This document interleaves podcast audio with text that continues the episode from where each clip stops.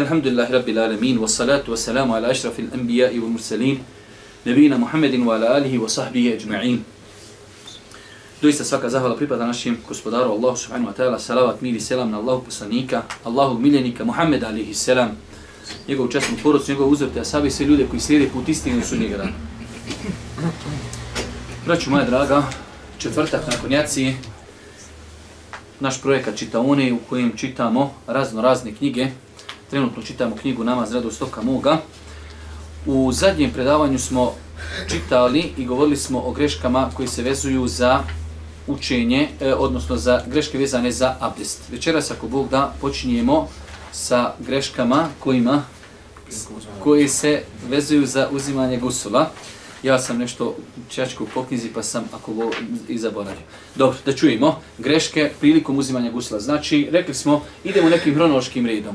Govorili smo o greškama koji se vezuju za čovjeku boravak u toaletu. Zašto? Zato što čovjek u većini slučaja prije namaza ide u toalet i uzima abdest. Pa smo govorili o greškama koji se čine prilikom abdesta. Sad logično je da govorimo o greškama koje su prisutne kod ljudi prilikom uzimanja gusula širijatskog kupanja. Uzmanje gusla nakon spolnog odnosa spada u ibadet, jer se tako vjernik pokorava naredbi gospodara da se kupanje močiti od pravne nečistoće, to jest od džunupluka. Hadisi zabilježeni od Božijeg poslanika, salallahu alaihi veselem, a koje prenose njegove supruge, precizno su nam pojasnili kako se treba očistiti od džunupluka. U nastavku ćemo spomenuti nekoliko najbitnijih grešaka vezanih za ovo pitanje, a za koje se opet veže ispravnost namaza, jer ako se insan ne očisti od džunupluka, ne može klanjati, a ako bi klanjao, namaz mu ne bi bio validan. Znači ovdje imamo nekoliko uh, stvari. Prva stvar, šerijetsko kupanje. Vi u islamu znate da imate dvije pravne nečistoće. Imate takozvanu malu pravnu nečistoću i imate veliku nečistoću, pravnu odnosno možemo još malo se vratiti nazad. Imamo stvarnu nečistoću i pravnu nečistoću. Stvarna nečistoća je kada je nešto stvarno nečisto. Imamo odjeću i na nju imamo, ne daj Bože, mokraću. To je stvarna nečistoća. Imamo pravnu nečistoću, a pravna nečistoća je da smo mi fizički čisti, ali ne možemo činiti određene ibadete za čiju ispravnost je uvjetovana pravna čistoća, abdest ili gusul. E sad imamo malu pravnu nečistoću, to je kad čovjek nema abdesta ali je, znači nije u džunup stanju. Pa hoće da klanja namaz i čovjek abdesti i klanja. Imamo veliku pravnu nečistoću, a to je kada je čovjek u džunup stanju, kada treba da se okupa. Dobro, to je neki uvod. To kupanje, odnosno čovjek ima spolni odnos sa suprugom, on je u džunup stanju. Da bi njegov namaz bio validan, čovjek mora da se okupa. To kupanje je ibadet to kupanje i ibadet.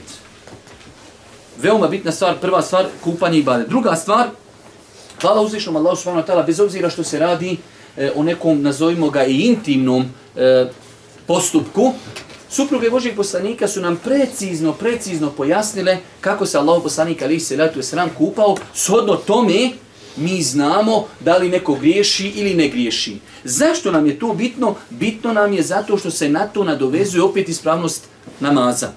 Ima tu vjerodostojnim hadisima da Allah poslanik nakon što bi se okupao više ne bi abdestio, išao bi pravo na namaz.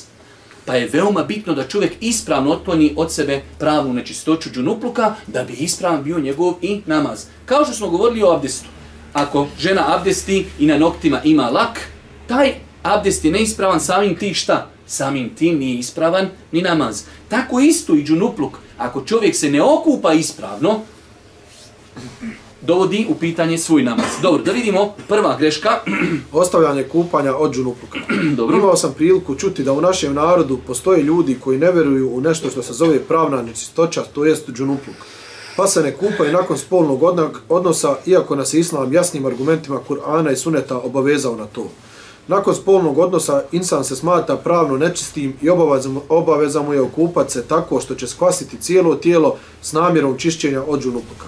Znači, braću moja draga, ja znam da imate ljudi koji jednostavno, šta, kao šta je džunupluk? Ne postoji nešto što je, zato što je to zaista, zato se zove pravna nečistoća. Džunupluk nije vidan. Pa ljudi, imate ljudi koji možda 10 godina ne kupa se od džunupluka.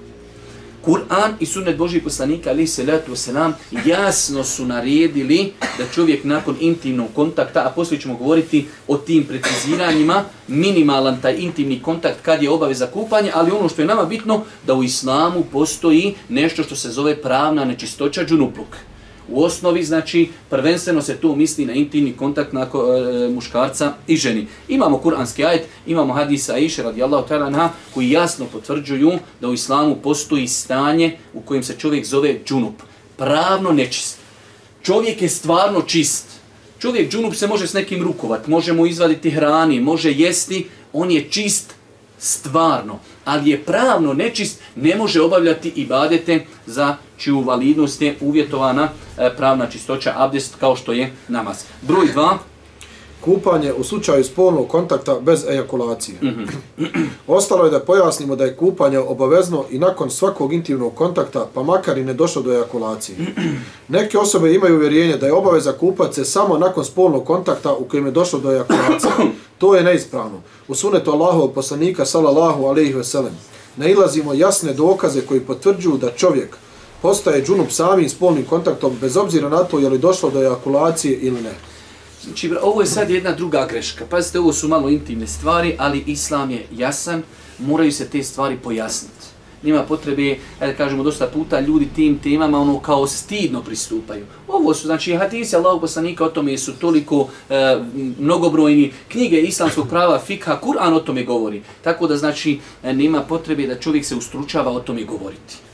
E, imamo znači situaciju da e, ljudi u datom momentu imaju samo pogrešno ubjeđenje. Možda čovjek ima, ima intiman kontakt sa suprugom, ali jednostavno ne dođe do ejakuliranja sjemena i čovjek konta ne mora se kupati. Što je neispravno? Ispravno je znači da čovjek ako dođe do intimnog kontakta između njega i njegove supruge, samim tim njemu je obaveza da se okupa. U početku islama jeste bio propis da čovjek ako nije doživio ejakuliranje sjemena, nije se morao kupati ali je nakon toga znači propis derogiran u jasnim hadisima. Allahu poslanik ali se rad sam kaže e, dodatak kod imama Muslima 242 i hadis bilježi ima Muslim kaže obaveza je čovjeku da se okupa onda kad sa ženom ima intim kontakt, pa makar ne došlo do ejakuliranja sjemena. Pa je veoma bitno da čovjek vjernik, musliman, hoće da se ženi, treba da zna propise vezano za ta poglavlja, Ako ima intimni kontakt sa svojom suprugom, bez obzira da li došlo do ejakuliranja ili ne, obaveza mu je da se, e, da se okupa. Dobro, nakon broj 3. Sprečavanje vode da dođe do svih dijelova tijela, na primjer usred nošenja kapi na glavi ili na lakiranih noktima. Dobro. Jedna od grešaka koja se veže za gusul jest i to što neki ljudi iz njima poznatih razloga stavljaju kapu ili nešto drugo na glavu kako bi spriječio dolazak vode do kose, dok s druge strane postoje žene koje se abdeste ili kupaju džunupluka, a na njihovim noktima je lak koji sprečava dolazak vode do tijela i čini abdest ili gusul neispravnim da bi kupanje bilo validno. Prema onome što je zabilježeno u vjerodostojnim hadisma, treba skvasti cijelo tijelo. Dakle, ako bi se rekao kupao, a neke dijelove, dijelove tijela ne bi pokvasla voda, to kupanje ne bi bilo validno. Ovdje govorimo o nor normalnoj situaciji. Zašto kažemo normalno? U situaciji može se desiti da ima čovjek langetu, čovjek ima zavoj, čovjek ima gips. To je nešto vanredno za vanredne situacije u islamu imaju vanredni propisi. Ali mi govorimo o normalnoj situaciji, imate ljude, on hoće kao da se okupa i stavi onu kapu na glavu i okupa se, nije smokrio kosu. Neispravno. Ili žena ako nije uklonila e, lak sa noktiju ili znači neke druge situacije, ono što je nama bitno zapamtiti. Imamo mi u islamu dva načina kupanja imamo prvi način kupanja da čovjek samo uzme vode, opere usta, pošto su usta u islamu se smatraju vanjski dio tijela. Vi dok postite možete uzeti vode i promučkati usma i ispljuniti i niste pokvarili post. Pa znači, usta treba oprati prilikom kupanja, oprati usta, oprati nos i čovjek pusti vode niza se i time on otklonu od sebe džunukluk pod uvjetom da se tijelo kompletno spasi. Imamo drugi način koji je pojašnjen u sunnetu Božijeg poslanika, ali se radu sam kako ide, znači kako je se Božiji poslanik, ali se radu sam kupao, ali ono što je nama bitno zapamtiti, da čovjek da bi otklonu od sebe čunupluk mora imati namjeru. Idem u WC, zašto? Želim da se istuširam, želim da otklonim od sebe čunupluk, želim da budem čist, da mogu na namaz, da ispere usta i da pokvasi cijelo tijelo. Ovo je bitno. Cijelo tijelo čovjek treba da pokvasi. Dobro, znači greška je, i to veoma opasna greška, da određeni dijelovi tijela ostanu da nisu pokvašeni. Broj četiri. Ostavljanje namaza osobe koja nije u mogućnosti uzeti abdest, a ne želi uzeti tejemum. Mm -hmm. Neki ljudi u neznanju spremni su ostaviti namaz kada ne mogu uzeti abdest, naročito ako su u pitanju vanredne situacije kao što je bolest. Tako ćemo vidjeti da mnogo ljudi kao izvor za ostavljanje namaza u periodu bolesti ili ležanja u bolnici navodi da ne mogu uzeti abdest. Uzvišen je Allah propisao je pripadnicima ovog umeta da kad se nađu u situaciju da nemaju vode ili je imaju, ali im njeno korištenje šteti zdravlju ili usporava ozdravljenje, uzmu jemu. Dosta. Znači ovdje imamo o čemu se radi. E, ova, ova bi se greška mogla spomenuti i u abdestu, ali se može spomenuti i u gusulu. Zašto? Što dosta puta ljudi imaju potrebu za, abde, e, za kupanjem. Bili su u bolnici, da li možda u snu je čovjek doživio e, poluciranje ili iz nekog razloga i jednostavno čovjek ne može se okupati, neće da, da pri, pristupite jemu mu kako bi na taj način klanjao. Znači u islamu, hvala Allahu Đelešanu, jedna velika olakšica, da je uzvišnji Allah subhanahu wa ta'ala propisao vjernicima, ako nemaju vode ili imaju vodi, ali se boje za njeno korištenje. Nerijetko se dešava su ljudi u bolnici, jednostavno ne može on koristiti vodu zato što znači ili je bolestan ili ima zavoj ili mu je urađena operacija i tako dalje. U, tom, u toj situaciji čovjek neće ostaviti namaz. Najlakše kod nas je bilo što da zapne, ostavljam namaz. Ne, Islam je propisao zamjenu alternativu, pa će čovjek uzeti tejemum, znači ako ne može abdestiti ili ne može se okupati ili nema vode ili ima vode, ali boji se, znači ako bi koristio vodu, ne daj Bože da bi mu mogla voda štetiti, u tim svim situacijama čovjek će uzeti tejemum. Ništa, idemo dalje. smatrati da je osoba u stanju džunupluka stvarno nečita i da se u takvom stanju ne treba krijetati izvan kuće. Dobro, da vidimo. Kao što postoje oni koji se ne kupaju džunupluka ne priznajući nešto što se zove pravna nečistoća, postoje i oni koji preteruju kada je riječ o džunupluku pa smatraju da osoba u tom stanju stvarno nečista, da ne treba izlaziti iz kuće i ako izađe da je baksus i da ga može zadesti neka nedaća. To je poznato. Ja sam odrastao na selu i znam da se to tako tretira na selu. Znači ljudi osobu koja je džunup tretiraju nekakvim baksuzom. Sjedi, ne idi, niđe iz kuće, ti iđe, god sjediš neku auto, s tobom će se neki sudar desiti. Što nije ispravno. U islamu rekli smo čovjek, bez obzira bio u džunup stanju, on je čist stvarno treba čovjek, znači, džunup ti dadne komad ljeba, valja, to sad proguta, ti ga dole, on gore. Čovjek je čist, ali ne može na namaz. Ne može čovjek na namaz. E, to o, ubjeđenje, znači, nema nikakve osnove. Uvjeri vidjet ćemo iz vjerodostojne hadisa, imamo hadis koji bilježi i Buharija i Muslim, da Allah poslanik sreo i Buhureiru kako hoda ulicama Medine, pa su zajedno prošetali, Ebu Hureyre je bio u džunup stanju, pa kad su sjeli, Ebu Hureyre je lagano izišao da ga Boži poslanik ne primijeti. Pa je se nakon toga vratio, pa tek kad je se vratio, poslanik primijetio. Kaže, ej ne kunte ja Eba Hurire, gdje si bio? Kaže Boži poslaniće, ja sam bio u džunup stanju, pa sam otišao kerihtu, prezirao sam da sjedim s tobom u tom halu i stanju. Pa kaže Allah poslanik, subhanallah, ne može, kaže, vjernik biti nečist. Tako da znači nema nikakve prepreke da čovjek u džunup stanju iziđe u datom momentu. Šta ja znam, e, treba da ode da plati struju, da ode do supermarketa, treba bilo šta da iziđe, da ima i bez potrebe da iziđe, ali u islamu propisano da čovjek požuri što prije, da se okupa čisto kako ne bi zaboravio Jedne slučaje, jedan vjerodostojno hadisu je došlo da je Boži poslanik, ali se sam izišao da klanja ashabima. Porijedali se u safove i kaže, prenoćio se hadisa, Boži poslanik samo što nije donio početni tekbir, sjetio se da je džunup. Pa kaže, rekao, stojte, ostanite tako. Oni nisu od to kupanja ko mi pravili proceduru. Boži poslanik košu u kuću za dvije minute, okupao se, kaže, došao je, kapala je voda sa njegove kose i sa njegove bradi. Allahu ekber, okupao je se. Pa je, znači, islamski učenjaci kažu, pohvalno je čovjek ako je u džunup stanju, što prije se okupa iz tog razloga. Može nastupiti namasko vrijeme, čovjek zaboravio da se okupa pa može obaviti i namaz u džunup stanju. Ili jednostavno može mu doći da, da jednostavno nema ni poslije priliku, išao je možda negdje u grad, uči ezan, kratak je dan, nema vremena da se vrati kući, kada će se okupati i tako dalje. Pa je pohvalno u islamu da čovjek požuri sa otklanjanjem džunupluka, ali nikako da je on neki baksuz ili ovo ili ono. Da dalje ne čitamo, idemo inša Allah na, na šestu grešku. kupanja od istecanja mezija. Mm -hmm. Neki muškarci ne znaju razlikovati spermu od predaja elokuacijske tečnosti, to jest mezija. Pa zbog toga, kad god vide neku tečnost koja ističe iz polnog organa, pomisli da je to sperma i da im je kupanje obaveza, što im predstavlja veliki problem, naročito ako se ta pojava događa često i u zimskog periodu. Mm -hmm. Vjernik bi trebao znati da kupanje postaje obaveza kad muškarac doživi ejakulaciju, ako je riječ o istjecanju mezija, tada čovjek samo gubi abdest, ali mu se nije obavezao kupati. Mm -hmm. Ovdje imamo, znači, to je pogotovo najviše, iako može se dešavati vezano biti za oženjene muškarce, ali u većini slučajeva za omladinu. Ljude neoženjene, vezuje se ta pojava. Za vrijeme Božijeg poslanika, ali se ratu selam, uh, Alija radijallahu anhu je bio zed Božijeg poslanika, ženio čerku Božijeg poslanika Fatimu. Alija kaže, imao sam kuntu ređulen medhen. Oni koji znaju arapski znaju da je ovo došlo, znači, u superlativu. Kaže, imao sam mnogo problema sa tim mezijem. I ja sam se, kaže, non stop kupao. Do te mjere dok mi lijeđe više nisu ispucala od kupanja. Više mi dosadilo. Pa sam, kaže, poslao Mikdat ibn Esveda da pita Božije poslanika, ali se rad sam, mene, kaže, bilo sti da pitam poslanika jer je njegova čirka udata za mene. Pa je rekao Božiji poslanik, ali se letu sram, ne treba se kupati, kaže, samo treba da uzme abdest. Samo treba da uzme abdest. Pa znači čovjek treba da vjernik nauči razliku i sad će doći znači ovdje kratko pojašnjenje. Iz polnog organa imamo znači čovjek može isticati sperma, mokraća i medvidj.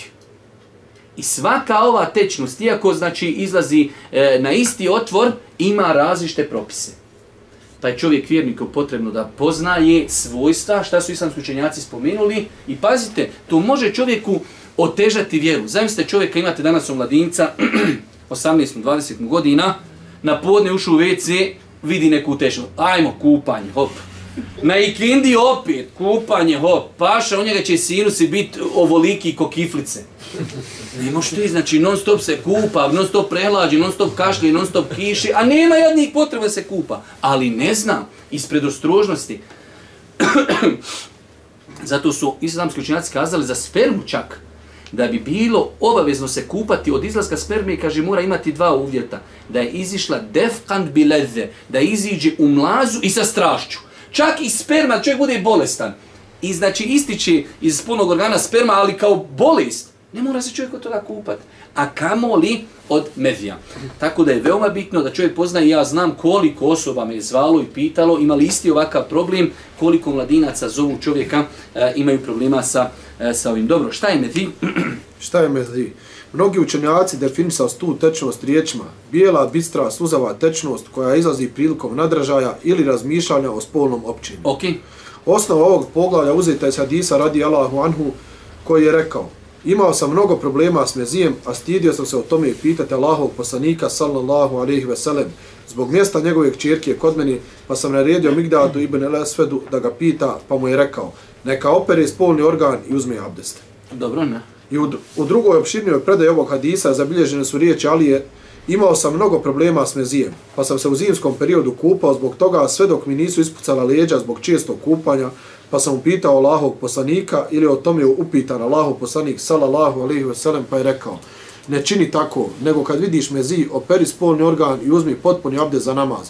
A kad vidiš spermu, tada se trebaš okupati. Ovo je, znači, Boži poslanik postavio pravilo kada vidiš spermu, trebaš se okupati, a kada vidiš medij, samo znači čovjek treba, medij je po konsenzusu islamskog učenjaka nečist, što znači čovjek treba da operi spolni organ, treba da operi tragove na vešu.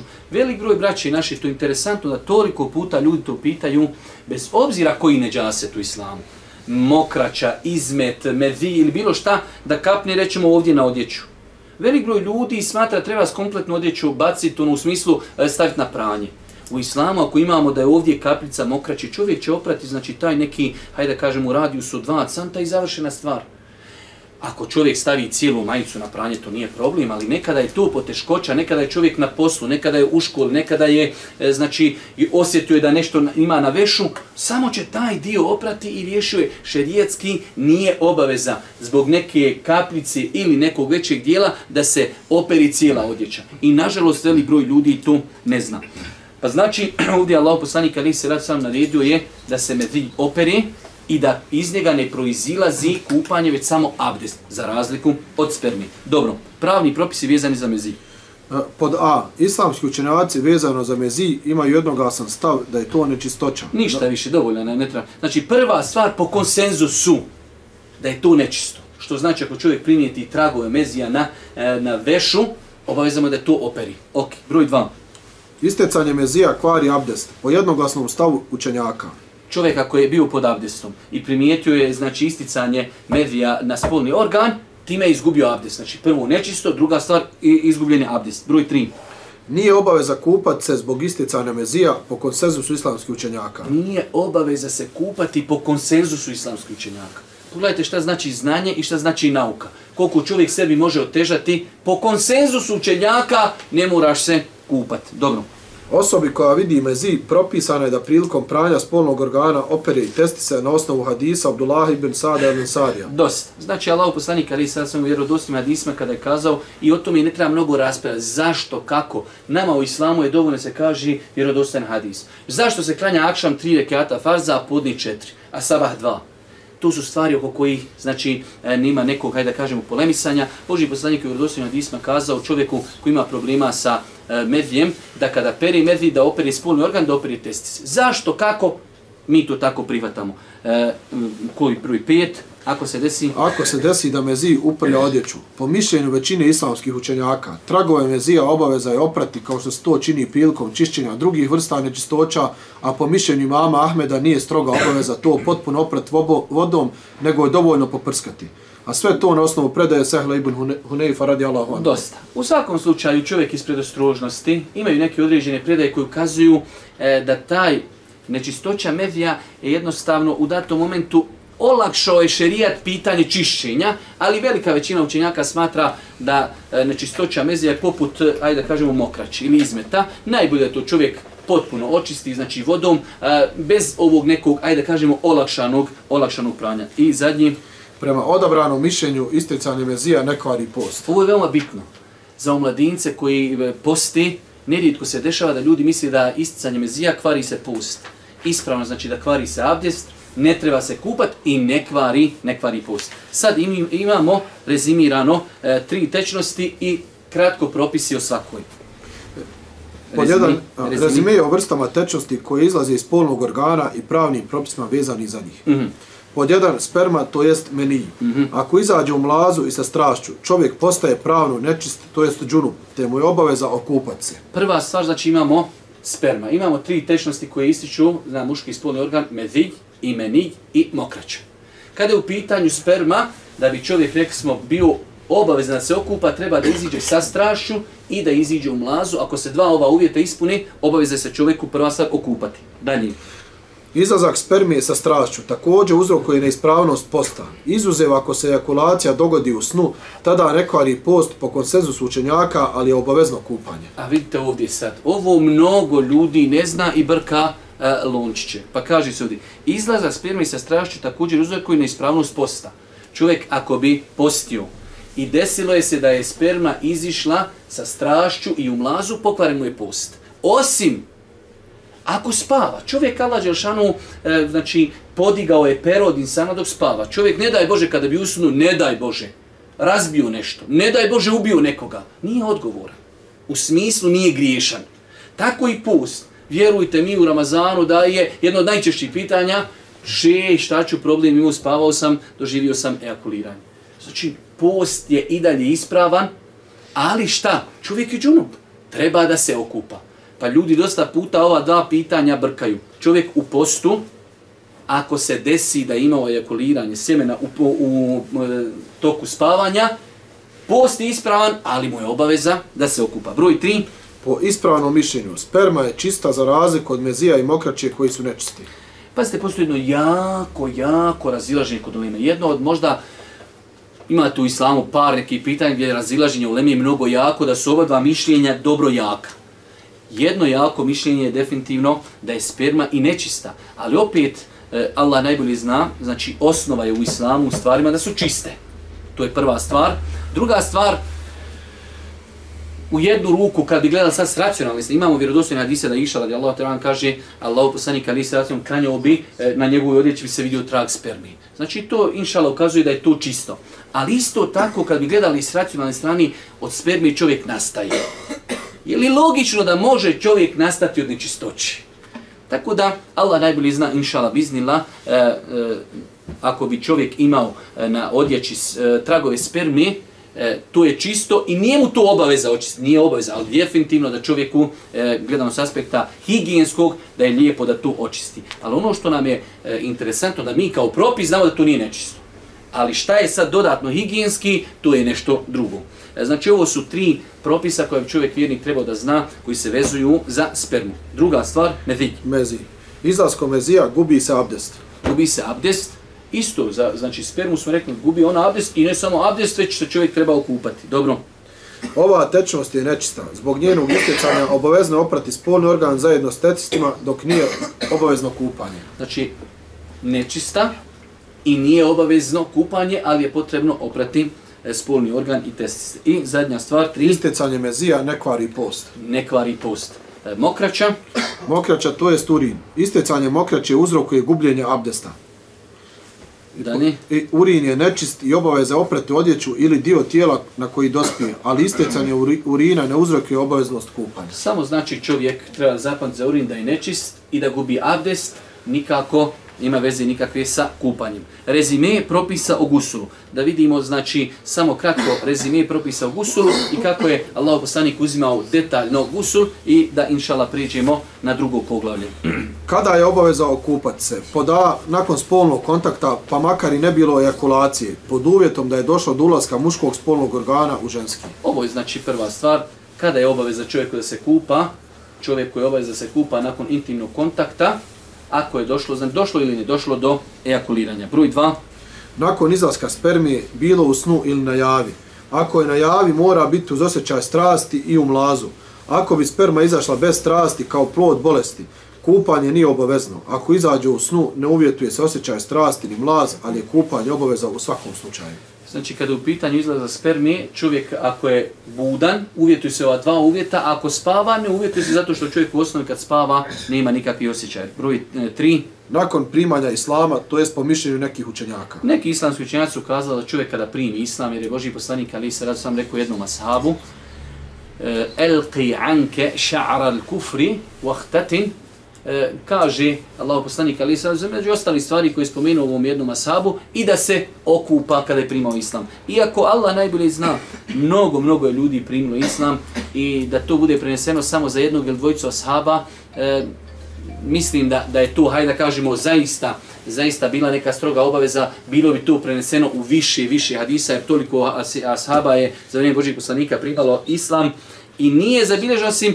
u par nekih slučajeva, tako da e, i mišljenje da nije obavezna kupanje, zato sam ja ovdje i stavio po mišljenju nekih učenjaka, tako da čovjek, znači, hajde da kažemo, e, pristupi tom pitanju sa nekim vidom tolerancije. Isto tako, Nakon smrti, to jest kupanja mrtvaca. Definitivno kupanje mrtvaca, znači Allah poslanik Ali Sarat sam je naredio vjerodostojno hadisima kupanje mrtvaca i znači tu je kupanje obaveza. I nakon završetka hajza ili nifasa. Svakako u ovoj situaciji kada žena e, na kraju mjesečnice ili nifasa obavezno je kupanje. Dobro, kako? Kako ispravno, to jest potpuno uzeti gusul, to jest kako je zabilježeno da je to učinio Allahu poslanik. Rekli smo imamo dva načina. Imamo minimalni i maksimalni. Imamo minimalno da čovjek opere usta, prije toga ima namjeru. Sama činjenica da je krenuo u toalet, to je namjera, želim da se okupam, da bi bio čist. Opere usta i to je to. A imamo maksimalno, to je kako je radio Boži poslanik, da vidimo kako je to radio Boži poslanik. Potrebno imati nijet za uzmanje gusula, to jest da se u srcu namjerava kupanjem očistiti od šerijatske nečistoće, nijet je u srcu i ne treba ga izgovarati. Ne treba se mnogo oko nijeta zamarati, ali definitivno treba. Šta se može desiti? Evo primjer radi. Čovjek je džunup. Iziđe napolje negdje na ulicu i vruće je vrijeme i dođe u kuću, oznojuje se. Idem da se istuširam. Kad se istušira lijepo, on se ide da se istuširam, zašto? Vruće mi, oznojio se. I istušira se, pjoj, kaže, vidi, pa tamo bio sam džunup, to je to. Nije to to. Šta je problem?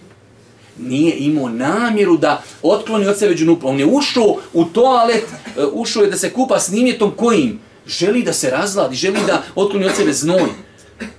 On je da je mogo, da mu je to na vrijeme bilo na onda, aha, sad sam se oznojio, a ja sam i onako džunup, idem da se istuširam, da otklonim od sebe džunupluk i da se, znači, malo, ajde da kažemo, razladim. Ok, to je ispravno. Ali govorimo samo o situaciji da čovjek, nakon dođe s ulici, požuri malo, ode, istušira se, istušira se čisto da se malo razladi.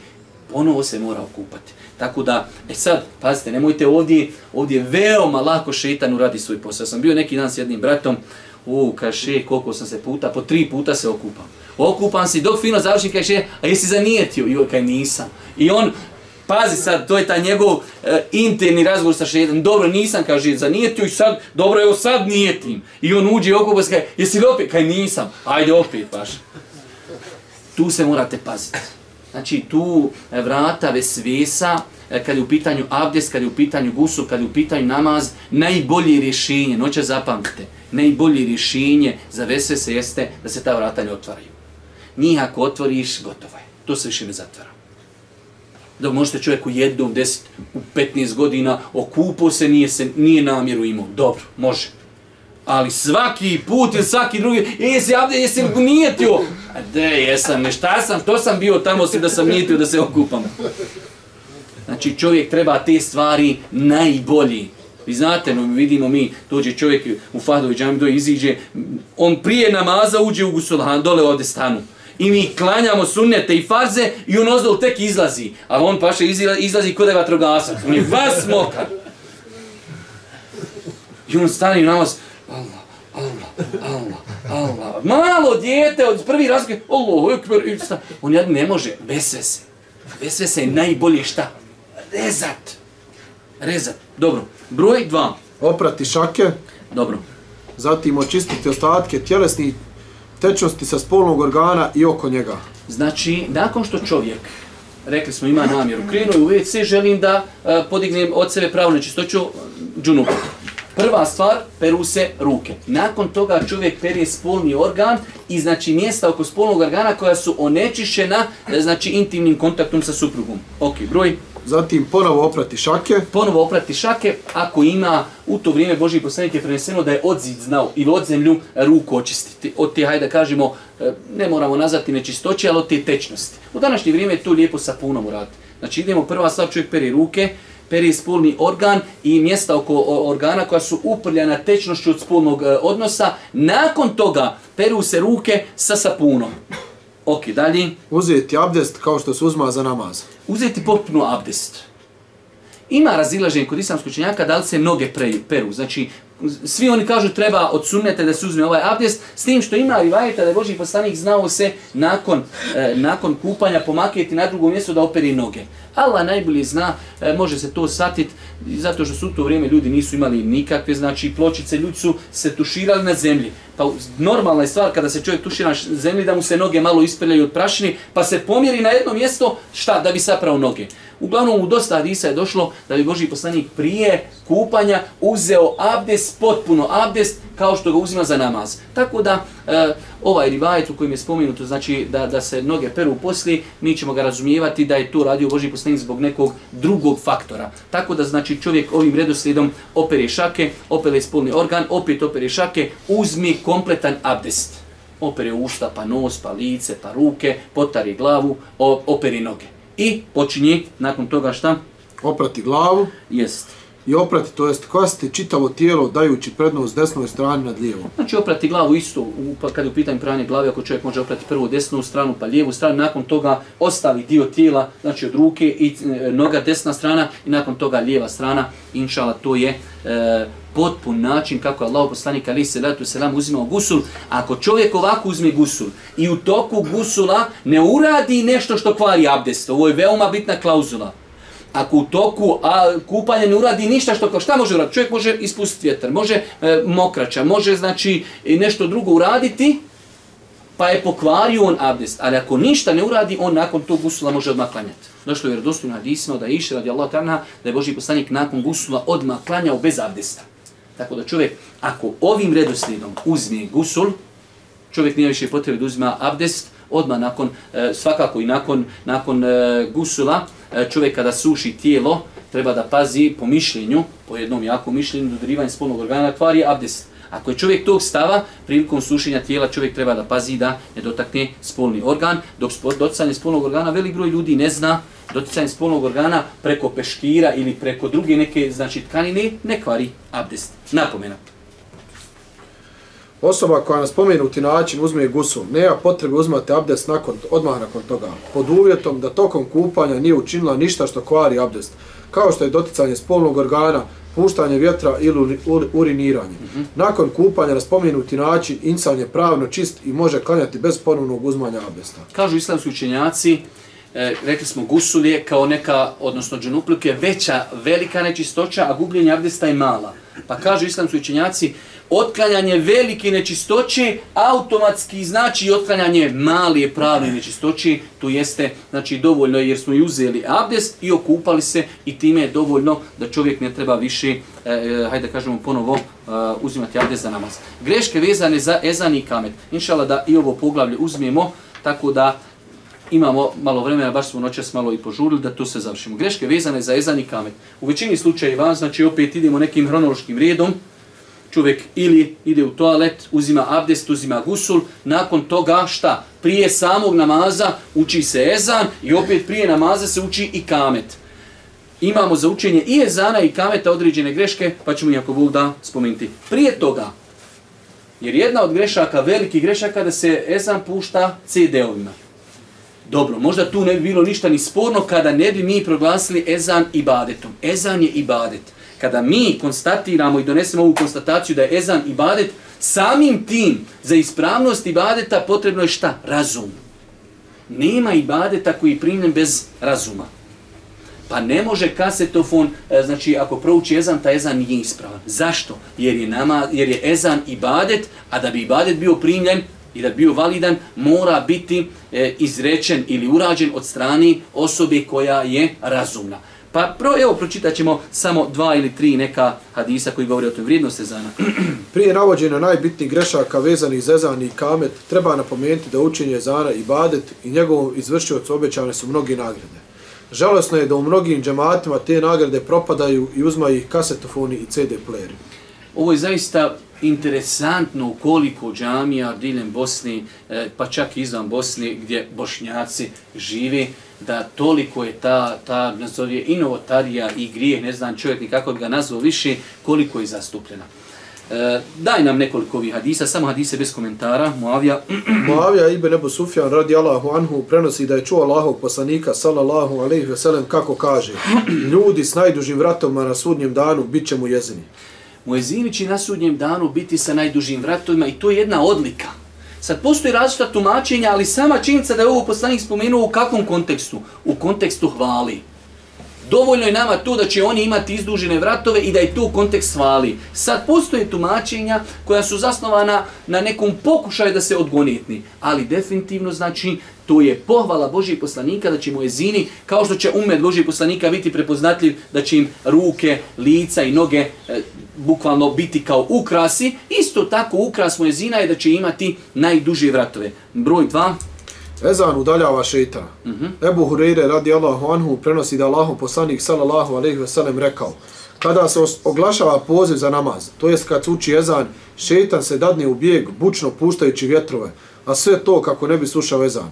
Kada sezan završi, on se vrati. Dosta, to je to. Ono što je nama bitno da zato imate nekad i ljudi kojima smeta ezan, pa to je ta dodirna tačka sa šeitanom. Znači, kad vidite čovjeka kada je nešto previše ste balije povećali taj ezan, pa to je, brate, tebi imaš ti malo genetike i imaš neki onaj problema sa šeitanom, i šeitanu to isto smeta. Broj 3. Kad bi ljudi znali kolika je vrijednost ezana, bacali bi kocku da odrede, odrede ko će ga učiti. Uh mhm. -huh. Kolika je nagrad za učenje ezana u slučaju kad ne postoji imenovan mu jezin koji to čini, govori nam sljedeći hadis. Uh mhm. -huh. Ebu Hurere radi Allahu anhu prenosi da Allahu poslanik sallallahu alaihi wa sallam rekao kada bi ljudi znali kolika je vrijednost ezana i prvog safa, oni bi, kada, bi na, kada ni na bilo koji drugi način to ne bi mogli odrijeti, bacanjem kocki odlučili ko će učiti ezan i klanjati u prvom safu. Či kaže Allah poslanik, toliko je vrijednost prvog safa i učenja ezana, da ljudi, kad bi ljudi to istinski shvatali, ljudi bi se toliko gurali u prvi saf i toliko bi se gurali ko će proučiti ezan, da ne bi se mogli dogovoriti. Pa bi jedina varijanta ostala, e, hajmo baciti sada neku kocku koja će nam odrijeti, znači samo da, da se nadovežem, u islamu kocka kao bacanje kočka uvijek nije neispravno. Znači u datom momentu Boži poslanik kada bi kretao na putovanje, kao što govori hadis Buhari Muslim, bacio bi kocku na neki od načina, da li da staviš pod prste, da li da baciš ono glava ili šta ja znam nešto da uradiš, to nije zabranjeno. Problem je kocka kada ima šta? Kada ima novac. Tako da, e, mi inače kad ono kažemo kocka, odmah se čovjek naježi. Ne, znači u ovom slučaju Boži poslanik misli da bi to na neki način izvlačenja izvukli bi ko će biti u prvom safu i ko će učiti jezan. Ovdje se misli na učenje zana u džamijama u kojima nije imenovan muezin. Definitivno, kada ima muezin, on je najprioritetniji. Kada imam, imam u džamiji. Boži poslanik kaže, ja umul qaume aqra'uhum li kitabillah, neka ljude predvodi u namazu, onaj ko zna najviše Kur'ana. Kada? Kada nema imenovan imam. Kada ima u džami ima, možda on zna samo džuz amme, i za njega stoji čovjek koji možda zna Kur'an po deset kirajeta, imam je imenovan i on će predvoditi ljude u namazu. On može iz nekog respekta reći nekom učenom bujrum ti nas predvodi, ali znači tu više nema natjecanja. Ovo natjecanje se misli u situacijama kada smo mi negdje na izletu ili smo negdje u džami gdje nema muezin ili nema imam koji će nas predvoditi. Dobro, e, broj četiri. Ništa neće čuti glas mu jezina, a da mu neće biti svjedok na sudnjem danu. Da vidimo što. Ebu, Sejid, Ebu Sejid al-Hudri radi Allahu anhu prenosi da je čuo Allahovog poslanika sallallahu alaihi ve sellem kako kaže Ništa i niko neće čuti glas mu jezina, džin, čovjek ili neko drugi, a da mu neće svjedočiti na sudnjem danu. Dalje, broj četiri, slično. Mu jezinu se oprašta sve od dok li doseže njegov glas. Bera ibn Azib radi Allahu anhu prenosi da je Allahu poslanik sallallahu alaihi ve sellem rekao U istinu Allah i njegovi meleki donose salavat na prvi saf, a mu jezinu se oprašta sve dokle dopire njegov glas i sve što ga čuje podvrčuje mu istinitost od vlažnog ili suhog, živog ili neživog i njemu pripada nagrada poput nagrade onih koji klanjaju s njim. Znači, pazite, za, za Ezan kolike velike nagrade. Sve što čuje, insanu će se dočiti na sudnjem danu. Oprašta mu se dok li dopire njegov glas. U svakom slučaju imamo još ti hadisa, ali da vidimo greške u vezi sa Ezanom i Kametom. Nakon što smo vidjeli kakve sve velike nagrade obećavaju za učenje ezana, a iz čega proizilazi da je to odabrani ibadet, u nastavku ćemo spomenuti nekoliko grešaka vezanih za njega. Mm -hmm. Prva greška, puštanje ezanja na radiju, s CD ali na bilo koji drugi način u kojem čovjek direktno uči ezan. Znači, bez obzira, braću moja draga, što tehnologija dolazi do nekih novih načina, da li je to CD, da li je to kasetofon, da li je putem radija, znači, to nas ne interesuje nama je interesantno samo da li to uči čovjek lično, znači direktno, ili je to znači putem nečega drugog. Tako da, e, bez obzira šta tehnologija može još uznapredovat, to nas ne interesuje.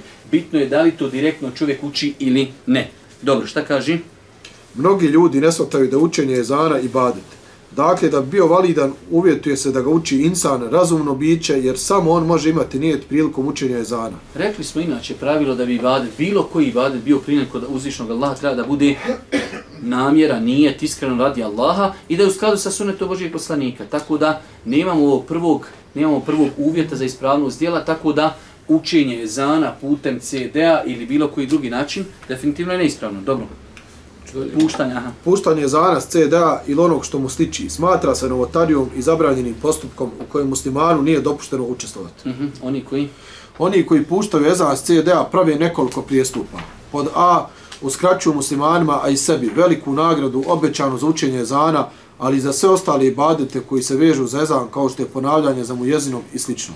Znači, ispravno je da čovjek kada, sad, da li to može praviti neki problem ili ne, ali ako sluša negdje jezan koji uči na kaseti, neće ponavljati zatim. Jednostavno, tu u islamu, ne, ko da ga ne čuješ? Nema ga. Zato što kaže, u Arapa imate jedno pravilo, kaže, ma bunja alel batil fe huve batil. Ono što je izgrađeno na ispravnom i ono je neispravno. Sad uči jezan, ti kaže, pa dobro, ovo je neispravno, izra, ali ja ću za njim, za njim ponavljati. Nema, znači, čak nam je uskraćena i ponavljanje za muezinom i učenje dovi nakon toga i sve dalje. Znači vidite, jedan, grije, jedan, jedan greška, jedan neispravan postupak, koliko drugih neispravnih postupaka dolazi u paketu. Isto tako, time se... Time su se prozrokovali da u mjestu u kojem se to čini, ljudi ostaju bez validno proučenog ezana, što je grijeh jer je ispravno mišljenje da učenje ezana kolektivno obaveza. Dosta. Znači, ispravno je mišljenje kad učenjaci govori o ezanu, njegov propis, da je to kolegijalna obaveza. Šta znači kolegijalna obaveza? Kao zakopati čovjeka kad umri. To je najlakše shvatiti. Čovjek je umro, kolegijalna obaveza Sarajeva da čovjeka koji umre da ga neko zakopa. Samo ako ga jedan čovjek zakopa, ostali ništa, nemaju obavezi. Ali ako ga niko ne zakopa, cijelo Sarajevo je griješno. Tako i za ezan. Ako imamo, dobro, u Sarajevu lupa imamo 50 džamija, ali imate selo i samo jedna džamija ima i uči se ezan putem CD-a. Kada god se prouči putem CD-a, cijelo selo je griješno. Zašto? Jer nisu proučili ezan. Dovoljno je da jedan prouči i niko nije griješan, ali ako ga prouči CD, svi su griješni. Tu je kolegijalna obaveza. Broj 3. Takav postupak otvara vrata drugim novotarijama i prekršajima u vjeri. Naročito kad ih čine oni koji bi ljud, ljudima trebali biti uzor u praktikovanju islama. Pazite, ljudi poslije dolazi, ok, ako može tako je, može li, može li čovjek pitanje, postaje ja u Bosni, kaže ono, gleda onaj, kako se zove, satelitski dole u Mekki, mogu ja kuće, sjedim, klanjam za Mekom dole, sto hiljada namaza, fino, mi ne idem, ni u svoju džamiju ne idim, niti mu je zima, ni, ni fino, lijepo, okrine se još, kibla ovako dol televizor, se prema televizor okrini, Allah, ekre za sudejsom, oj što je fino, otaraj se vrata novotarijama. Dobro, dalje, čudno je. Čudno je da su najveće svjetske pravne institucije kolegiji koji se bave savremenim pitanjima i koji okupljaju najveće alime svijeta, već podavno govorilo o tome i da se veliki broj mu jezina i mama tako jednostavno oglušuju o njihove stavove. Mi imamo taj problem, to je definitivno, nek se ljuti ko hoće, mi imamo problem e, pomanjkanje autoriteta. Nama niko nije autoritet halo, mi puštamo 20 godina kako su kasete izmišljene, mi smo odmah to snimili i sad ti dođeš neki vehabija, ti nama tumačiš što ne mere, brate, more, vidiš da more. Ljudi prije 30 godina, kada je tek kasetofon izmišljen, sjeli i kolegi kompletan donio jednog sam stav neispravan ezan. Pa to dobro, to je za Arabi, za nas se to ne odnosi. Ne znam, on kod nas, kod nas su CD-ovi bolji nego njihovi nisu da ljudi pojašnjavaju propise, da se trude, da ljude ne zavode u nekim novim e, problemima, imamo mi svojih inače problema, ne, ne, daj nam još koji, daj nam još nek se, e, ko, ko oni čičci, da se još koja novotarija na nas nakupi. Ovo što imamo nije nam dovoljno. Dobro, šta je kazao kolegi prilikom? Prilikom nastupanja ramadskog vremena nije dozvoljeno zadovoljstvo spuštanje mezana u mežđidu posredstvom kasetofona i sličnih aparata i time se ne ispunjavaju uvjet ovog ibadeta i to, i to nije propisan jezan. Uh -huh. Muslimanima je obaveza da lično prouči jezan prilikom nastupanja namaskog vremena u svakoj džami, baš kako su to naslijedili iz vremena Allahovog poslanika, salallahu alihi wasalam, pa sve do današnjih dana. To je, to je ovo što smo sad pročitali, to je znači odluka tog jednog velikog svjetskog kongresa pravnika nije ispravno, ne može. Ok, nije ispravno kod nas, može i to i to. On ko onaj kad došao pita, kaže, mora li se klanjati veli bez abdesta? Ali ne mere, kako je ne mere, ja malo prije klanjam. to ti je to. Kolegi kaj ne mere, kaj moraju, svi kod nas moraju. kasfon radi, struja, sve pricniš, more. More, ali ne ispravno. Dobro, u knjigama, U knjigama Hanefijskog meseba nalazimo da su učenje uvjetovali da mu jezin treba biti razuman muškarac. Eza nerazumne osobe smatrali su neispravnim uz obavezu da se ponovi. Ako su smatrali Eza nerazumne osobe neispravnim s obaveznim ponavljanjem, šta bi onda rekli za Ezan pušten s CD-a? A nefijski učinjaci kažu kad bi se desilo čovjek nerazuman. Ali naučio je Ezan i zna sve ispravno. I on prouči Ezan. Ljudi ne znaju, neko se osluša, čuje Allah, Allah, ispravno. Neispravan Ezan. Zašto? Čovjek nerazuman dođeš, naučiš čovjeka koji nije musliman. I zna, ja znam, ne muslimana znaju što je znam. I dođe čovjek i prouče, neispravno, mora proučiti musliman, muškarac, razuman. Šta misliš ako je ovo bio stav Hanefijskog mezeba za nerazumnog i sad kažu neispravno, šta misliš šta bi rekli za kasetofon? Rekao imam... Rekao imam Elba Barti, mu jezin treba biti muškarac, razuman, poznavalac suneta i namaskih vremena. Ezan razumnog djeteta je ispravan bez bilo kakve pokuđenosti po knjigama za hiri rivajeta, a ezan punoljetnog je bolji. Ezan nerazumnih osoba ili pijanice treba ponoviti. Treba ponoviti. Dobro, broj dva greška. Smatati da čovjek koji klanja sam, a ne u džematu, ne treba učiti ezan. To je jednako, ne mora znaći da je neka greška, ali je lijepo da se ljudi poduči. Čovjek i kada klanja sam, čovjek je negdje na brdu, negdje na njivi, negdje na putovanju, hoće da klanja sam, od sunneta je i lijepo je da prouči ezan. E, broj 3. Ubacivanje u ezan onoga što mu ne pripada. Neki ljudi u neznanju ubacuju ezan riječi koji nisu zabilježeni u vjerodostojnim predajama od Allahovog poslanika.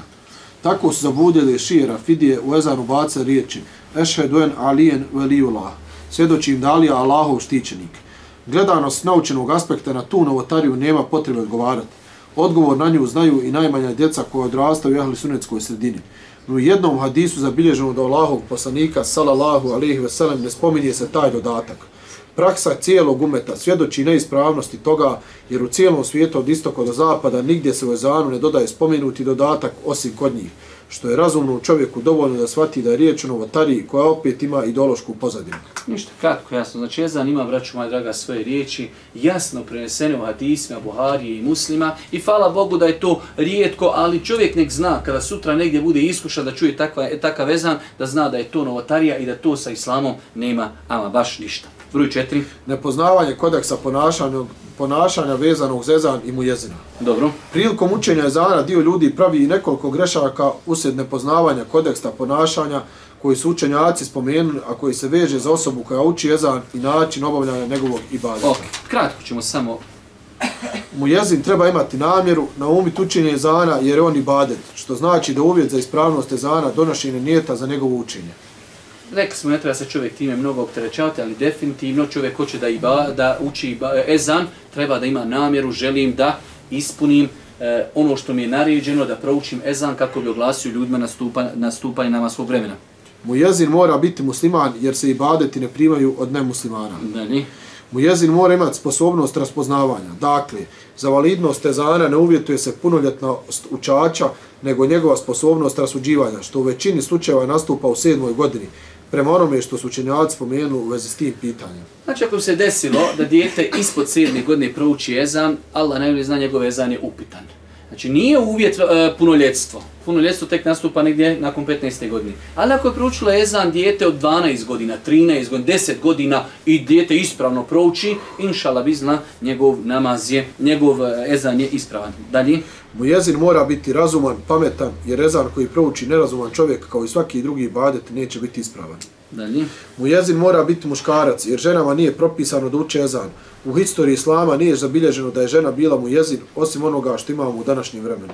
Danas ste vidjeli po internetu, imate gore po nekim državama i kontinentima, sad i žene uče ezane i one, i one, onaj, to vam je ono, ko, to onaj toba jara, što je se pomokri u zemzem, pa eto, samo nek napiju, jer prošla ga historija, ništa nije daj da nešto lupim, da nešto uradim i sad čitav život mi kažemo oni se pomokri u zemzem i zapisani su tako i ovo. Hajde eto, 14 stoljeća nikad žena ne učila jezan, eh evo sad ćemo mi doći i mi ćemo otkriti neku blago koje niko ne poznaje i evo sad će i žena učiti jezan. Tako da nikad u historiji, znači, e, islamski učenjaci, žena kad ide na hađu, ono što je naređeno, telbija da se izgovara, kažu žena u sebi izgovara telbiju da se ne čuje njen glas. A tu joj naređeno. A ovi ga, ne, ne, mi ćemo učiti ezan, još sa, sa ozvučenjima. U namazu, namaz, to je najveći ibadet. Žena, ako imam pogriješi, žena će kucnut rukama, neće reći subhanallah. Muškarac kaže subhanallah, ali mi ćemo ipak ezan da prouči. Pogledajte koliko islam čuva ženu. Naredio je pokrivanje. Čak imate poprilično broj učenjaka koji kaže sam govor ženi je avret. Govor ženi je avret. Iako to mišljenje nije tačno. Ali imate učenjaka koji kažu ženin glas je avret. I dođe neko i daj žena nek nam uči jezan. Dobro, dalje. Rekao je El Kasani, pokuđeno je da žena uči jezan po svim predajama mesheba, jer ako bi učila jezan povišenim glasom, počinila bi grijeh. A ako bi učila sniženim glasom, ostala bi sunet podizanja glasa prilikom učenja jezana. Žene nisu učile u vremenu Selefa, pa je to novotarija. Allahu poslanik rekao je svaka nova stvar u vjeri je novotarija. Muezin. Mujezin treba biti pravedna i povjerljiva osoba. Lijepo je da prilikom učenja izana mu jezin bude pod abdestom, ako bi ga pručio bez abdesta, to ne bi utjecalo na njegovu validnost. Ovo je lijepo da čovjek poznaje ove propise. Sutra se može čovjek u deset nastuplo namasko vrijeme, treba da pruči jezan, nema abdesta. Šta će, će pručiti ezan ili će prvo abdest? Pruči ezan, pa nakon toga ide abdesti. Jer je mnogo bitnije da ljudima obznaniš nastupio i namaz. Onda ti imaš perioda 5, 7, 10 minuta dok se klanjaju suneti da uzmeš abdest. Jer je, a znači nije ispravnost ezana uvjetovana abdestom. Lijepo je da čovjek uvijek kada uči ezan bude pod abdestom. Ali da se desi situacija, ili ne daj Bože, da čovjek u toku, abde, u toku učenja ezana izgubi abdest. Ništa, samo će nastaviti. Dalje. Učiti ezan na uzdignutom i za ljude vidnom mjestu. To je znači u priješnjim vremenima. Učiti ezan stojeći, okrenut prema kibli. Ovo i dalje ostaje. Prilikom učenja staviti, kaže prste u uši. Oko ovoga postoji znači neko, hajde da kažemo, razilaženje. Boži poslanik Ali se rad sam preporučio da mu ezin stavi, kaže prste u uši, jer na taj način, hajde da kažemo, može glasnije da da uči ezan, ali imate neke stvari koje treba pre, pre, prihvatiti da su one takve bez polemisanja. Ja sam či, čak, čak stava, iako u datom momentu to i, i odspa, o, o, odskače od toj neke logike, ali i čovjek je kada uči prema mikrofonu, po meni treba da se okrini desno i lijevo. Allah Đelšanu najbolje zna zašto je mu ezinu bilo propisano prija da kada uči ezan zakrini se desno i lijevo da kada se uči na mikrofon, čovjek bolje se čuje kada se okrene pravo prema mikrofonu. Ali čovjek može znači malo da se zakrine i opet da njegov glas čuje se znači prema mikrofonu. Tako da hoću da vam kažem, neke stvari treba prihvatiti onako kako su prenesene od Božih poslanika, ali se da tu se nam. Šamsudin Esarhasi kaže, Sarahsi kaže, mu jezin će staviti dva prsta u uši, zbog riječi Allahovog poslanika koji je rekao Bilal radi Allahu anhu, kada učiš ezan, stavi prste u uši, to će ti pojačati glas. Mm -hmm. Prilikom učenja riječi hajjale salah glavom zaokrenuti, zakrenuti udesno, a prilikom učenja riječi hajjale felah ulijevo bez pomjeranja stopala i cijelog tijela. Znači ispravno je da čovjek kada uči jezan kaže hayya ala sala da se samo pomjera glava, a da se noge dol ne pomjeraju. Imate ljudi ono baš se ovako zaokrene što je neispravno. Stopala treba da ostanu na istom mjestu, samo se čovjek zakreće znači svojom glavom. Dobro? Rekao Ebu Bekr Es Semerkandi, od stvari koje se vežu za ezan jeste i to da mu jezin bude okrenut u pravcu kible. Osim kada dođe do riječi hajjane sana, hajjane felah, tada će zakrenuti lice desno i lijevo, a ne pomicati stopala. Dobro, idemo, ovo je bilo, znači e, čovjek vjernik bi trebao, ako već uči ezan, da poznaje ovaj kodeks ponašanja, pa da maksimalno se potrudi da ispuni sve ove stvari kako bi njegov ezan bio što potpuniji. Broj 5, greška nepoznavanje dova koje se uče nakon nezana, te stalno učenje fatihe nakon nezana. Mm -hmm. Mnogi ljudi našeg područja svaki put nakon nezana uče fatihu, što je suprotno sunetu poslanika. Vjernik bi trebao odvojiti malo vremena u svom životu i podučiti se dobama zabilježenim u sunetu poslanika, a koje se vežu za ezan. Vjerujte, dosta puta ja smatram e, da, da samo je problem u nama koji podučavamo ljude. Nije problem u ljudima. Ti ako ljudima kažeš, pa slušaj, možeš ti uvijek ući pa fatihu, on će tako i prihvatiti. Ako mu kažeš, ne može to, on će dosutra naučiti dobu. Ja se sjećam, živio sam ja suđe po svijetu, ono ne plaho suđe, ali pet godina slušaš čovjeka uvijek svaki put za dženazu, eto, ko zna proučit, nek prouči, ko ne zna proučit na dženazi, šta se uči, nek, nek zamoli Allah na svome materijom jeziku, Allah će se inša Allah smilovati i ne mora ništa, nije dovoljno da prouči tekbire i tako. Brate, ajde evo godinu dana ćemo to vikat. Kogod nam ovaj vikat ćemo, ali hajmo nakon druge godine reći, ljudi od danas moramo znati klanjati dženazu. Hajmo jedno napraviti kurs da se podučimo dženazi i sad svi znamo šta se uči u dženazi. Svaki put dovoljno donesu četiri tekbira, ništa, počita dan na Whatsappu, na Viberu, nemoj da bi slučajno naučio dovu koja se uči poslije zana. No, ba Fatihu, brate, prouči, to je univerzalno, to može gdje god hoćeš. Samo je problem u ljudima koji podučavaju. Ne može, nema Fatiha nikakve veze sa Ezanom. I završena stvar nauči dovu, sjedniš, ona je 15 riječi.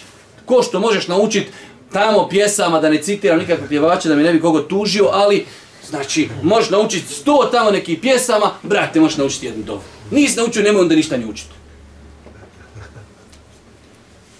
Najlakše je sam Fatihu prouči, iđe treba, iđe ne treba. Samo, znaš, ne znam, Fatiha ide, Fatiha može sve. Dobro, šta, šta se stvari? Pod A. Osoba koja čuje učenje zana treba ponavljati za mu jezinom. Znači, da ne bi sad vam mnogo oko toga ponavljanje, čovjek u osnovi kada uči muezin, kada muezin rekne neku riječ, on ponovi za njim. Kad kaže Allahu ekber, Allahu ekber, čovjek kaže Allahu ekber, Allahu ekber. Sve do riječi hayya ala salah, hayya ala felah, kad će kazati la hawla wala kuvvata illa billah, ostalo se sve ponavlja kao u ezanu, čak i riječi as salatu khairu minan nawm, ponavljaju se as salatu khairu minan nawm. Tako da znači sav ezan od Allahu ekber, Allahu ekber, šedu en la ilaha illa, šedu en la ilaha, šedu en sve se ponavlja nakon muezina, osim riječi hayya ala salah, hayya ala falah, kada se kaže la hawla wala kuvvete illa billah. Čak na sabahskom ezanu kada se uči eh, es salatu hajru mine neum, ponavlja se es salatu hajru mine neum. To je prvi sunnet da se ponavlja za muezinom. Broj dva, kada muezin Kada mu jezin završi učenje ezana, onaj koji ga sluša i ponavlja za njim, donijeće salavat i selam na Allahov poslanika sallallahu alaihi ve sellem. Mm, prenosi od Ablaha ibn Amra ibn Asa radi Allahu anhu da je Allahu poslanik sallallahu alaihi ve sellem rekao kada čujete mu jezna da uči jezan, izgovarajte ono što i on, a zatim doneste salavat na meni. Dobro, broj tri, Nakon donesenog salavata proučite dovu koju nam je Allahu poslanik preporučio da je učimo nakon ezana i zato nam obećao veliku nagradu. ko? Od Džabira ibn Abdullaha radi Allahu anhu prenose da Allahu poslanik sallallahu alejhi ve sellem rekao: Ko nakon što je čuje ezan kaže: Allahumma rabbe hadihi daveti tame wa salatin qaimati Muhammedin wasilati wal fad fadile fadile. wa وبعثه maqaman محمد alladhi وعدته Wa'adte, dobro, samo nam دورش kako mu je nagrada. ne treba taj će imati taj će imati pravo na moje zauzmanje, to je šefa znači ova dova, posledajte, čita život Fatihu, Fatihu, brate, nauči dovu, Allahumma vid, Allahumma, rabbe hadihi davati tamme, wassalati l'qaime, ati Muhammeden, el vasilete, wal fadile, wab'athu meqamen mahmuden, illedi wa'atte. Filozofija je to, imaće pravo na šefat Božih poslanika na sudnjem danu. Velika nagrada. Daj ti Fatihu i to je to. E, dobro, smatrati. Smatrate neispravni mezan i kamet maloljetne osobe. Rekli smo da ne ponavljamo ovdje, ovdje smo navodili i citate Hanefijskog mezheba. Znači, ispravno je da je ezan osobe koja je razumna ispravan. Bitno je da to nije malehno dijete ispod 7 godina. Od 8, 9, 10 godina ako dijete zna ispravno proučiti ezan, inšala njegov ezan je ispravan. Broj 7, Smatrati neispravnim ezan osobe koja nije pod abdestom. To smo isto govorili i citirali smo ovdje go- govor islamskih učenjaka iz Hanefijskog mezheba. Bolje je učiti ezan pod abdestom. Ali ako bi došli u situaciju da li u toku a, ezana čovjek izgubi abdest ili rekli smo nastupilo je namasko vrijeme, čovjek nije pod abdestom, a treba učiti ezan. Prvo će proučiti ezan, nakon toga neka abdesti. Broj 8, Mu jezin ne uči nešto mimo ezana i kameta. evo nam prouči do kraja i inšala time ćemo završiti. U sunetu Allahu poslanika sallallahu alejhi ve sellem nalazimo da jedino što mu jezin uči jesu ezan i kamet. Dakle, vidljiva je greška koju čine mnogi mu jezini u mu jezinluku dodaju ono što mu ne pripada. Dobro, u mnogim U mnogim džamijama mu jezini prije namaza uče na glas tri puta suru Al-Ihlas, to jest Kul huvallahu ehad. Što nema nikakvog utemeljenja u sunnetu, a da ne govorimo da se tako uznemiravaju oni koji u to vrijeme obavljaju dobrovoljni namaz. Allahu poslanik Allahu poslanik sallallahu alejhi ve sellem u vjerodostojnim hadisma zabranio je uznemiravanje klanača učenjem Kur'ana, pa je mnogo prioritetnije da bude zabranjeno uznemiravanje nekim zikrom koji nema utemeljenje u sunnetu. Znači čovjek dođe u džamiju i klanja sunnete. To što je neko brzo klanjao sunnete, to nas ništa ne interesuje. Čovjek klanjao sunnete i na mikrofon uči tri puta kulhu vallah. Prvo učenje sure kulhu vallah tri puta nema nikakvo utemeljenje. Pod jedan. Pod dva, to smeta ljudima. Ti onda u namazu, ti jedino što možeš učiti je učiti za njim kulhu vallah. Ne mogu učiti ništa drugo. Paš. Ti da učiš neki ajet iz Bekare, on tamo Kulhu huvallahu ahad Allahu samed lem elit. i onda imate onaj metul prvi put malo tiši, pa drugi put malo glasi, pa treći put još glasniji. Uznemir poslanika, nemojte jedni drugi uznemirati učenjem Kur'ana. Pazite, ja znam šta govorim, ovo je neispravno, moramo poštivati e, kodeks džamije. Džamija nije ničije privatno vlasništvo. Ne treba nikoga u džamiju uznemiravati. Učenjem ovih zikrova se uznemirava insan koji u to vrijeme klanja sunnete. Dobro, dalje. Isto tako, nakon namaza mnogi mu jezni naglas uče tri puta estagfirullah i Allahumma ente salamu ve minke salam te baruk te jazel dženani van ikram. Što nema nikakvog utemeljenja, to je zikr koji svaki klanjač uči za sebe. Ostali dio zajedničkog učenja zikra koji predvodi mu jezin nije propisan vjerom, nego je propisano da svaki klanjač zikri za sebe. Nakon predavanja salamu u namazu mu jezin više ništa ne uči na glas. Ovo je, ovo je pravilo. Nakon što, je, muezin inače uči samo ezan i kamet. Nakon toga hođa preuzima, klanja se namaz, predaje se selam i muezin više nema šta učiti. Sve ono što se uči je neosnovano.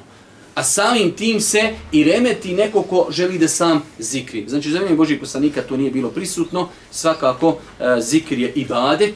Da bi se čovjek koncentrisao na ibadet, definitivno mora da ima, ajde da kažemo, lijep ambijent. Molim uzvišnog Allah subhanahu wa ta'ala da nas poduči propisima vjeri. Molim ga subhanahu wa ta'ala da nam bude milosti na sudnjem danu. Na kraju subhanike Allahumma da bihamdike. Ešhedu en la ilaha ilan astaghfiruke wa etubu ilik.